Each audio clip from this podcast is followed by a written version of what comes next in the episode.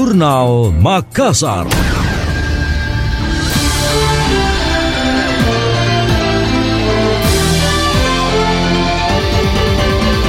Bencana longsor dilaporkan terjadi di Jalan Poros Malino, tepatnya di Desa Lonjoboko, Kecamatan Parangloe, Kabupaten Goa, Sulawesi Selatan, Rabu 16 November 2022. Longsor diakibatkan hujan deras di wilayah tersebut.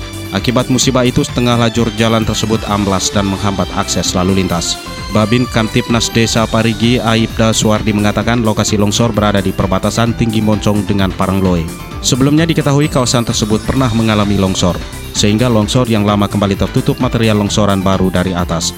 Material longsoran pun menutupi jalan.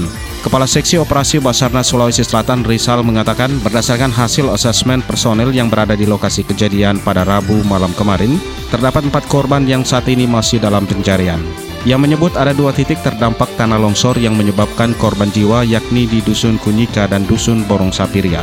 Di Dusun Kunyika ada rumah tertimbun dengan satu orang atas nama Dengaseng 60 tahun belum ditemukan, sedangkan di Dusun Borong Sapiria sebuah mobil terseret tanah. Kepala Kantor Basarnas Sulawesi Selatan Junaidi menuturkan untuk memaksimalkan pencarian korban, pihaknya menambah personil dengan mengirimkan satu SRU atau Search and Rescue Unit menuju lokasi bencana Kamis kemarin. Proses pencarian dibagi dua titik masing-masing di Dusun Kunyika dan Dusun Borong Sapiria.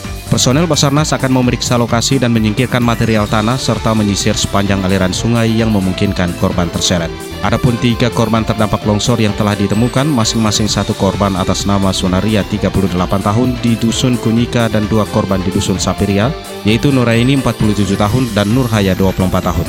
Junaidi menuturkan ketiga korban tersebut sudah dievakuasi dan diserahkan ke pihak keluarga. Sementara itu, pemerintah Provinsi Sulawesi Selatan melalui Dinas PUTR segera melakukan penanganan darurat pada jalan yang longsor di Kabupaten Goa. Hal itu diungkapkan Kepala Dinas PUTR Sulsel Astina Abbas. Penanganan darurat yang dilakukan yaitu pembersihan material longsor di lokasi. Selanjutnya akan dilakukan pembukaan akses jalan agar akses mobilisasi masyarakat bisa melintasi jalan tersebut. Makassar meraih penghargaan Bulan Imunisasi Anak Nasional atau BIAN 2022. Seremoni penyerahan oleh Gubernur Sulawesi Selatan Andi Sudirman Sulaiman kepada Wali Kota Makassar Dani Pomanto. Hal ini diberikan usai melaksanakan upacara peringatan Hari Kesehatan Nasional atau HKN ke-58 tahun 2022. Bian merupakan kegiatan pemberian imunisasi tambahan campak rubella bagi anak usia 9 bulan sampai dengan kurang dari 12 tahun tanpa memandang status imunisasi sebelumnya. Kota Makassar sendiri sudah mencapai 96,3 persen dari sasaran sebanyak 290.773 dan sudah mencakup 280.188 anak. Angka ini melebihi dari target nasional yakni 95 persen.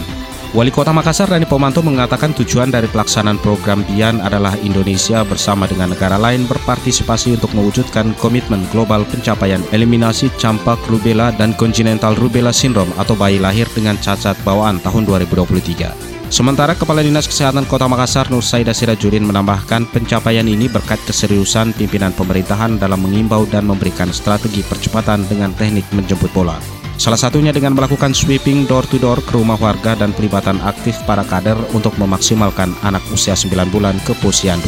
Dia menambahkan untuk imunisasi anak usia sekolah tentunya bekerja sama dengan Dinas Pendidikan untuk menginstruksikan semua sekolah wajib diimunisasi bian sesuai umur yang menjadi sasaran semua anak sekolah.